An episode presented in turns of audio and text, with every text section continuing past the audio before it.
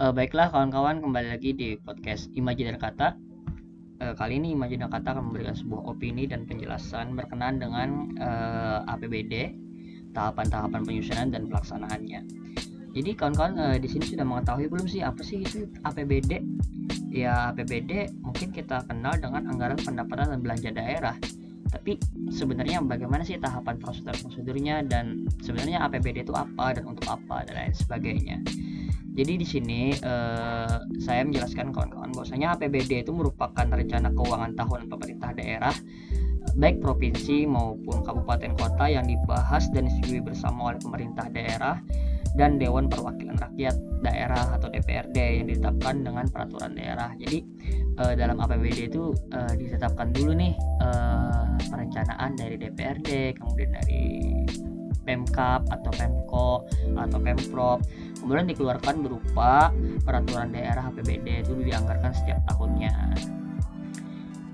Lalu nih eh, dalam APBD juga tergambar semua hak dan kewajiban daerah dalam rangka penyelenggaraan pemerintah daerah yang dapat dinilai dengan uang termasuk di dalamnya segala bentuk kekayaan yang berhubungan dengan hak dan kewajiban daerah tersebut dalam kurun waktu satu tahun. Kan sudah dijelaskan tadi bahwasanya dalam APBD ini juga merupakan instrumen dalam rangka mewujudkan pelayanan dan peningkatan kualitas kesejahteraan masyarakat untuk mencapai tujuan negara dan tujuan dari daerah. Kemudian nih eh, APBD yang sudah ter ditetapkan melalui peraturan daerah untuk kurun waktu satu tahun dimulai dari 1 Januari sampai 31 Desember APBD itu terdiri dari eh, pendapatan asli daerah PAD yang meliputi pajak daerah, retribusi daerah, hasil kekayaan pengelolaan daerah, sumber daya alam, eh, baik penerimaan dan lain sebagainya.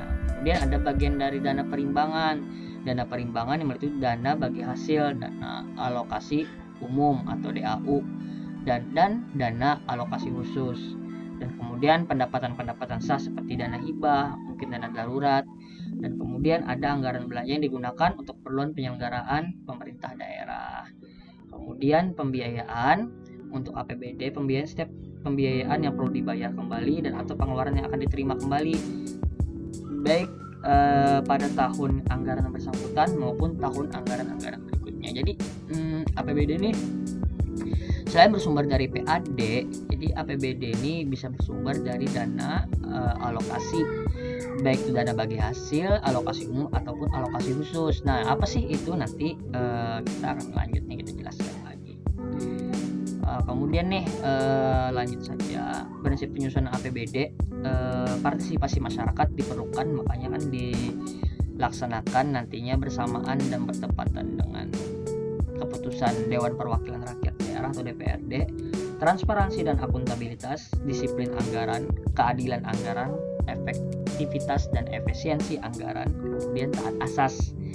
Jadi eh, tidak hanya semerta-merta nih nyusun APBD penganggaran sekian sekian, cuman dari DPRD itu ada yang namanya mitra mitra DPRD di mitra DPRD baik itu dari SKPD maupun dari dinas-dinas yang bersangkutan dalam tahapan penyusunan APBD dan juga ada juga mitra BUMD.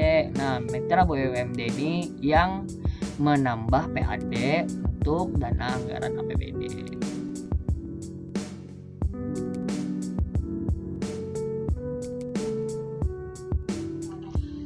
kemudian setelah kita membahas uh, soal PAD dan tahapan-tahapan dan pengertian APBD tadi. Sebelum kita ke proses penyusunan APBD perlu kita mengetahui nih apa sih dulu itu SPPN jadi SPPN itu merupakan adalah sistem perencanaan pembangunan nasional. Di dalam SPPN itu e, merupakan satu kesatuan tata cara perencanaan pembangunan yang menghasilkan rencana-rencana pembangunan dalam jangka panjang, menengah, dan tahunan dan dilaksanakan oleh unsur penyelenggara negara dan masyarakat baik tingkat pusat maupun di tingkat daerah. Kemudian di SPPN ini memiliki tujuan antara lain mendukung koordinasi antar antar pelaku pembangunan, e, kemudian menjamin terciptanya integrasi, sinkronasi dan sinergi baik antar daerah, antar ruang, antar waktu, antar fungsi pemerintah maupun antar pemerintah pusat dan daerah kemudian menjamin keterkaitan dan konsistensi antara perencanaan, penganggaran, pelaksanaan, dan pengawasan. pengoptimalisasi partisipasi masyarakat dan menjamin tercapainya penggunaan sumber daya secara efektif dan efisien yang berkeadilan dan berkelanjutan. Bahwasanya SPPN ini penting sekali sebelum kita menyusun APBD. Dari SPB anu SPPN ini eh, dalam proses perencanaan ada tahapan-tahapan yang mungkin kita perlu perhatikan dari pendekatan politik. Sebelum kita menentukan atau menyusun APBD kita harus tahu nih siapa sih kepala daerah kita? Apa sih visi misinya? Yang merupakan hasil dari proses politik uh, public choice theory of planning yang khususnya penjabaran visi dan misi dalam RPJ MD rencana pembangunan jangka menengah daerah. Kemudian lagi proses teknokratik. Menggunakan metode kerangka berpikir ilmiah oleh lembaga atau satuan kerja yang secara fungsional bertugas untuk itu. Kemudian lagi eh, setelah itu kita harus melibatkan partisipatif dari berbagai stakeholder antara lain melalui musrenbang, musyawarah rencana pembangunan. Dan kemudian setelah kita itu ada proses top down dan bottom up yang dilaksanakan menurut jenjang pemerintahan baik itu pemerintahan pusat, pemerintahan daerah ataupun yang melaksanakan APBD. Kemudian dalam alur perencanaan dan penganggaran SKKP SPPN itu ada yang tahunan dan lima tahun dan bahkan 10 tahunan. Jadi pemerintah pusat itu melakukan rincian APBN yang nantinya itu melalui range KL berpedoman dari Renja KL melahirkan RKAKL dan kemudian melahirkan rincian APBN kemudian RPJP nasional, RPJM nasional, kemudian RKP, RAPBN dan lahirnya APBN. Turunlah ke pemerintah daerah melalui Undang-Undang SPPN dan Undang-Undang KM. Kemudian RPJP daerah itu berpedoman kepada RPJM daerah, RKP daerah, kemudian melahirkan RAPBD, kemudian melahirkan APBD.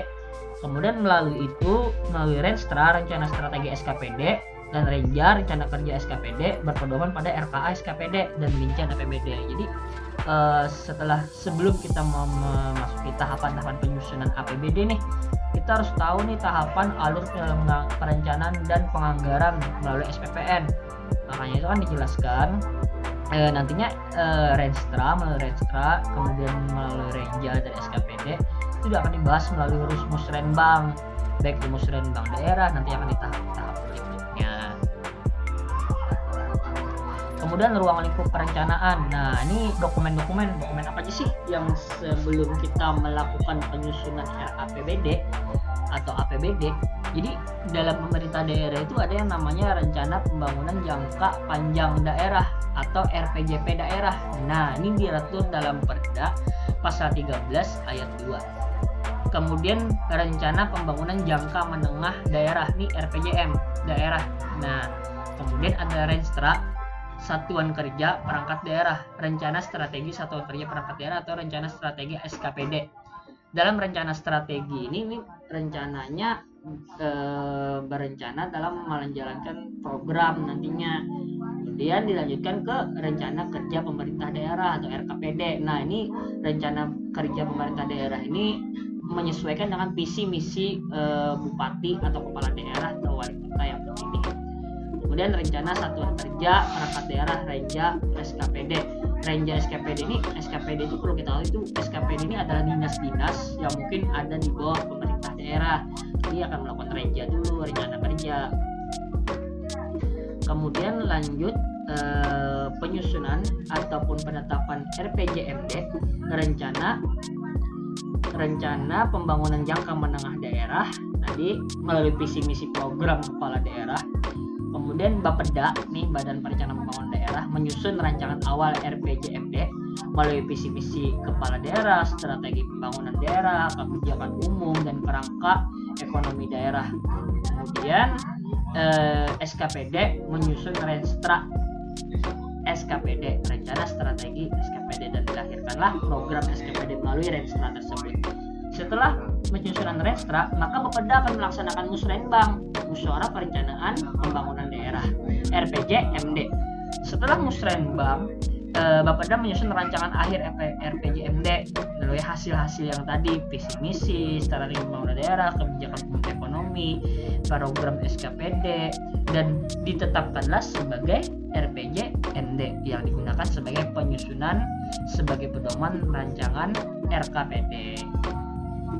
Kemudian dalam penyusunan dan penetapan RKPD nih, selanjutnya Bapeda akan menyusun rancangan awal RKPD eh, prioritas pembangunan daerah, kemudian kebijakan umum, kerangka ekonomi daerah, kemudian pagu, induktif. Kemudian dari SKPD tersebut akan menyusun renja SKPD yang hasilnya itu berupa program SKPD. Lalu musrenbang desa, kelurahan, atau kecamatan terjadilah dilaksanakan dalam penyusunan RKPD nantinya. Setelah itu musrenbang kabupaten kota sinkronasi antara program SKPD dan harmonisasi dekon dan TP. Setelah itu hasil dari musrenbang kabupaten kota dibawa lagi ke musrenbang provinsi sebagai wakil pemerintah pusat melakukan harmonisasi dekon dan TP. Lalu keluarlah berupa rancangan akhir nantinya di Musrenbangnas, Musyawarah Pembangunan Nasional, berupa prioritas pembangunan tadi, kebijakan umum, kerangka ekonomi daerah, dan program SKPD dan ditetapkanlah tadi RKPD sebagai pedoman penyusunan rancangan APBD ini panjang banget proses penyusunan APBD sebelum menjadi rancangan APBD.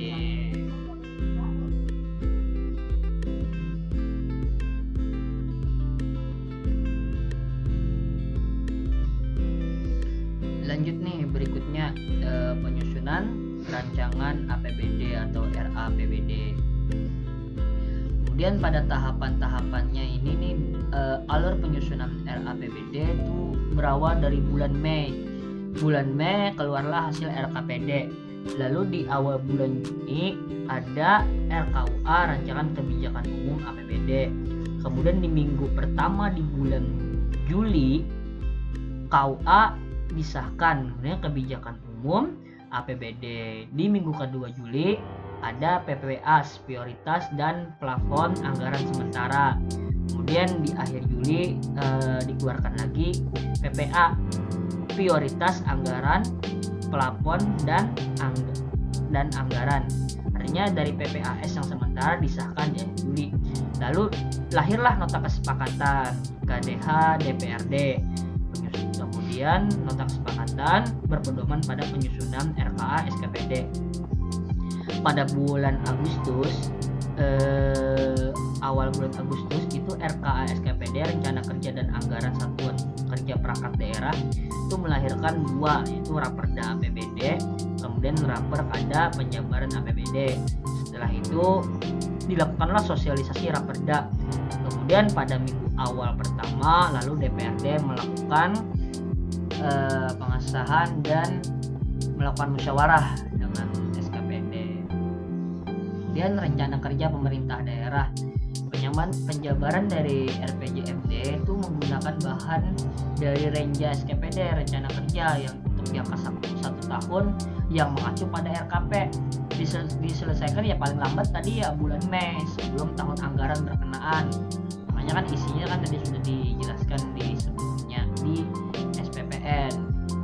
kemudian kebijakan umum APBD nah kepala daerah ini dibantu oleh TAPD yang dipimpin oleh Sekda menyusun rancangan KUA berdasarkan RKPD dalam RKUA memuat target penyampaian kinerja yang struktur dari program-program yang akan dilaksanakan oleh pemerintah daerah untuk setiap urusan pemerintahan daerah yang disertai dengan proyeksi pendapatan daerah kemudian alokasi belanja daerah, sumber penggunaan pembiayaan, kemudian ada asumsi dasar ekonomi makro dan perubahan kebijakan-kebijakan fiskal yang ditetapkan pemerintah daerah. Kemudian RKUA yang disusun disampaikan oleh Sekda selaku koordinator pengelola keuangan daerah kepada kepala daerah paling lambat awal tahun atau di awal bulan Juni penganggaran. Kemudian RKUA disampaikan kepada kepala daerah kepada DPRD paling lambat di pertengahan bulan Juni tahun anggaran berjalan untuk dibahas dalam pembicaraan pendahuluan RAPBD tahun anggaran berikutnya. Kemudian pembahasan RKUA tersebut dilakukan oleh TAPD bersama panitia anggaran DPRD kemudian RKUA yang telah dibahas selanjutnya akan disepakati menjadi KUA yang paling lambat minggu pertama di bulan Juli tahun anggaran berjalan. Tadi sudah dijelaskan tahapan-tahapannya kemudian nih PPA PPAS prioritas dan plafon anggaran sementara. Ini kan setelah KUA terjadi eh, telah disepakati oleh pemerintah daerah dalam penyusunan ini. Kemudian PPA PPAS disusun dengan beberapa tahapan menentukan skala prioritas untuk urusan wajib dan urusan pilihan menentukan urutan program untuk masing-masing urusan dan menyusun plafon anggaran sementara untuk masing-masing program kemudian nih kepala daerah menyampaikan rancangan PPAS yang disusun kepada DPRD nih jadi ada rapat nih lagi nih antara bupati dan kepala DPRD untuk dibahas paling lambat di minggu kedua bulan Juli tahun anggaran berjalan. Rancangan PPAS tersebut dilakukan oleh T TAPD bersama panitia anggaran DPRD kemudian yang ini telah disepakati menjadi PPA prioritas anggaran prioritas dan pelakon anggaran paling lambat akhir bulan Juli atau tahun anggaran berjalan di bulan Juli KUA serta PPA yang telah disepakati masing-masing dituangkan dalam nota kesepakatan yang ditandatangani bersama-sama kepala daerah dan pimpinan DPRD atau ketua DPRD. Eh, jadi di tahapan berikutnya nih penyusunan RKA SKPD berdasarkan nota kesepakatan TAPD menyiapkan rancangan surat edaran kepala daerah tentang pedoman penyusunan RKA SKPD sebagai acuan kepala SKPD dalam menyusun RKA SKPD yang mencakup PPA yang dialokasikan untuk setiap program SKPD, rencana pendapatan dan pembiayaan. Kemudian sinkronasi nih dengan program kegiatan antar SKPD dan kinerja SKPD yang berkenaan disesuaikan dengan standar pelayanan minimal yang ditetapkan. Makanya kan ada mitra DPRD tadi yang disesuaikan dengan komisi-komisinya. Kemudian hal-hal lainnya yang perlu mendapatkan perhatian dari SKPD terkait dengan prinsip-prinsip peningkatan efisiensi, efektivitas, transparansi, akuntabilitas dalam penyusunan anggaran dalam rangka pencapaian prestasi kerja. Dokumen-dokumen ini dilampirkan meliputi KUA, PPA, kode rekening APBD, format RK SKPD, analisis standar belanja dan standar satuan harga. Surat edaran kepala daerah perihal pedoman penyusunan RK SKPD ditetapkan paling lambat awal bulan Agustus tahun anggaran berjalan. Nah, kemudian kan setelah dari penyusunan panjang ada yang namanya itu raperda APBD 4 penyiapan peraturan APBD daerah. Jadi setelah RKA SKPD telah disusun oleh SKPD disampaikan oleh PPKD untuk dibahas selanjut oleh TAPD, pembahasan oleh TAPD dilakukan untuk menelaah kesesuaian antara RKA SKPD dengan KUA. PPA perkiraan maju yang disetujui tahun anggaran sebelumnya dan dokumen-dokumen yang lainnya itu eh, itu nantinya melakukan sinkronasi dengan program kegiatan antar SKPD Nah, kemudian apabila hasil pembahasan RK SKPD terdapat ketidaksesuaian, kepala SKPD melakukan penyempurnaan lagi nih. Nah, setelah RK SKPD telah disempurnakan oleh kepala SKPD yang disampaikan kepada PPKD sebagai bahan penyusunan raperda tentang APBD dan raperkada tentang penjabaran APBD. Jadi raperda tentang APBD sebelum disampaikan kepada DPRD harus disosialisasikan dulu kepada masyarakat. Oh ini nih program-program SKPD ini nih program-program yang akan direncanakan nantinya. Kemudian penyebaran luasan rancangan peraturan daerah tentang APBD dilaksanakan oleh Sekda selaku koordinator pengelolaan keuangan daerah. Nah ya kan? Jadi sebelum dilakukan pengesahan ataupun penyampaian kepada DPRD SKPD itu melakukan sosialisasi. Nah kemudian penyampaian dan pembahasan raperda tentang APBD kepala-kepala daerah kepala daerah menyampaikan raperda beserta lampirannya kepada DPRD paling lambat pada minggu pertama bulan Oktober itu tuh tahun anggaran sebelumnya dan dari tahun yang direncanakan untuk mendapatkan persetujuan bersama. Kemudian pengambilan keputusan bersama DPRD dan kepala daerah terhadap para perda dilakukan paling lama satu bulan sebelum tahun anggaran bersangkutan dilaksanakan. Atas dasar persetujuan bersama, kepala daerah menyiapkan raperda tentang penjabaran APBD. Penyampaian raperda disampaikan dengan nota keuangan Pembahasan raperda berpedoman pada KUA serta PPA telah disepakati bersama pemerintah daerah dan DPRD. Nah, apabila DPRD sampai batas waktu paling lama eh, satu bulan tidak menetapkan persetujuan bersama dengan kepala daerah terhadap raperda, kepala daerah akan melaksanakan pengeluaran setinggi-tingginya sebesar angka APBD tahun anggaran sebelumnya untuk membiayai keperluan setiap bulan. Pelampauan batas tertinggi dari jumlah pengeluaran hanya diperkenankan apabila ada kebijakan pemerintah untuk kenaikan gaji dan tunjangan PNS serta penyediaan dana pendamping program dan kegiatan ditetapkan oleh pemerintah serta bagi hasil pajak daerah dan retribusi daerah yang ditetapkan oleh undang-undang. Rencana pengeluaran disusun dalam Raperkada. Raperkada dapat dilaksanakan memperoleh pengesahan dari Mendagri bagi provinsi dan gubernur bagi kabupaten dan kota. Penyampaian Raperkada untuk memperoleh pengesahan paling lama 15 hari kerja terhitung sejak DPRD tidak menetapkan keputusan bersama dengan kepala daerah terhadap Raperda. Apabila dalam batas waktu 30 hari Mendagri gubernur tidak mengesahkan Raperda, kepala daerah menetapkan Raperda raperkada tadi dimaksud menjadi perkada. Nah, panjang sekali prosesnya. Kemudian setelah evaluasi raperda tentang APBD dan raperkada tentang penjabaran APBD, maka dilakukan evaluasi. Evaluasi raperda dan raperkada provinsi. Nah, ini dari provinsi paling lama eh, rapergub sebelum ditetapkan gubernur paling tiga hari disampaikan terlebih dahulu kepada Mendagri untuk evaluasi disertai dengan persetujuan bersama DPRD, kemudian KUA dan PPA disepakati oleh kepala daerah dan pimpinan DPRD. Risalah sidang jalannya pembahasan rancangan rancangan daerah tentang APBD dan nota keuangan pidato kepala daerah perihal penyampaian pengantar nota keuangan pada sidang DPRD ini evaluasi bertujuan mencapainya keserasian antara kebijakan daerah dan kebijakan nasional keserasian antara kepentingan publik dan kepentingan aparatur serta untuk menilai sejauh mana APBD provinsi ataupun kabupaten kota bertentangan dengan kepentingan umum. Peraturan yang lebih tinggi eh, atau peraturan daerah lainnya ditetapkan oleh provinsi yang bersangkutan. Hasil evaluasi diturunkan eh, dalam Mendagri paling lama 15 hari kerja terhitung sejak diterimanya rancangan yang dimaksud Apabila Mendagri menyatakan evaluasi rapat dan rapat grup sesuai dengan kepentingan umum, maka perundang-undangan lebih tinggi menetapkan rancangan dimaksud dengan perda atau pergub. Nah, kan. Kemudian pada kabupaten kota itu eh, DPRD paling lama tiga hari disampaikan kepada gubernur untuk dievaluasi. Nah, evaluasi bertujuan eh, keserasian tadi sama juga dengan kabupaten kota dan gubernur untuk meningkatkan efektivitas pelaksanaan evaluasi uh, gubernur dapat mengundang pejabat pemerintah daerah kabupaten kota yang terkait. Nah misalkan di kabupaten kita uh, melakukan evaluasi raperda makanya langsung bertemu gubernur nanti dengan DPRD. Hasil evaluasi dengan keputusan gubernur disampaikan kepada bupati wali uh, atau wali kota paling lama 15 hari kerja terhitung sejak diterimanya rancangan yang dimaksud. Makanya itu apabila evaluasi raperda dan raperkada sesuai dengan kepentingan umum maka keluarlah rancangan dimaksud menjadi perda dan perkada. Nah kan apabila gubernur menyatakan hasil evaluasi raperda tidak sesuai dengan kepentingan umum maka bupati dan wali atau wali kota DPRD melakukan penyempurnaan paling lama tujuh hari.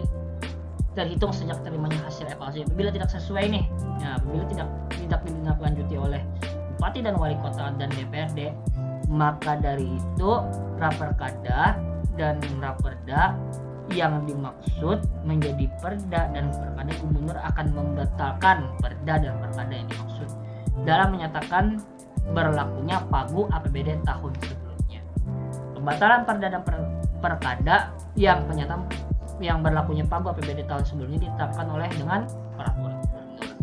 Paling lama tujuh hari setelah pembatalan, kepala daerah harus memperhatikan pelaksanaan perda dan selanjutnya DPRD bersama kepala daerah mencabut perda yang dimaksud. Pencabutan perda tersebut dilakukan dengan peraturan daerah tentang pencabutan peraturan tentang APBD. Pelaksanaan pengeluaran atas pagu APBD tahun sebelumnya ditetapkan dengan peraturan kepala daerah. Nah, kemudian lah setelah panjang prosedur dan sebagainya, maka kita sebelum kita jadi APBD ada penetapan tentang Perda APBD dan Perkada penyebaran APBD.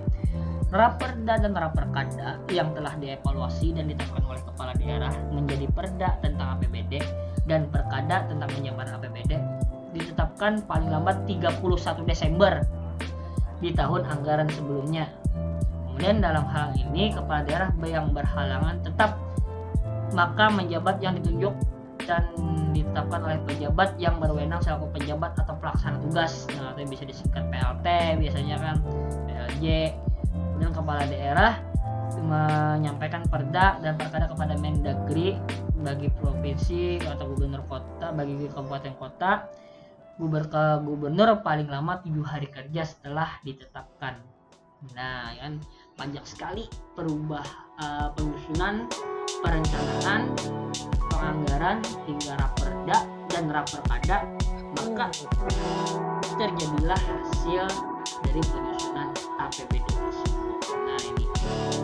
Ini panjang sekali prosesnya kita. Mungkin tidak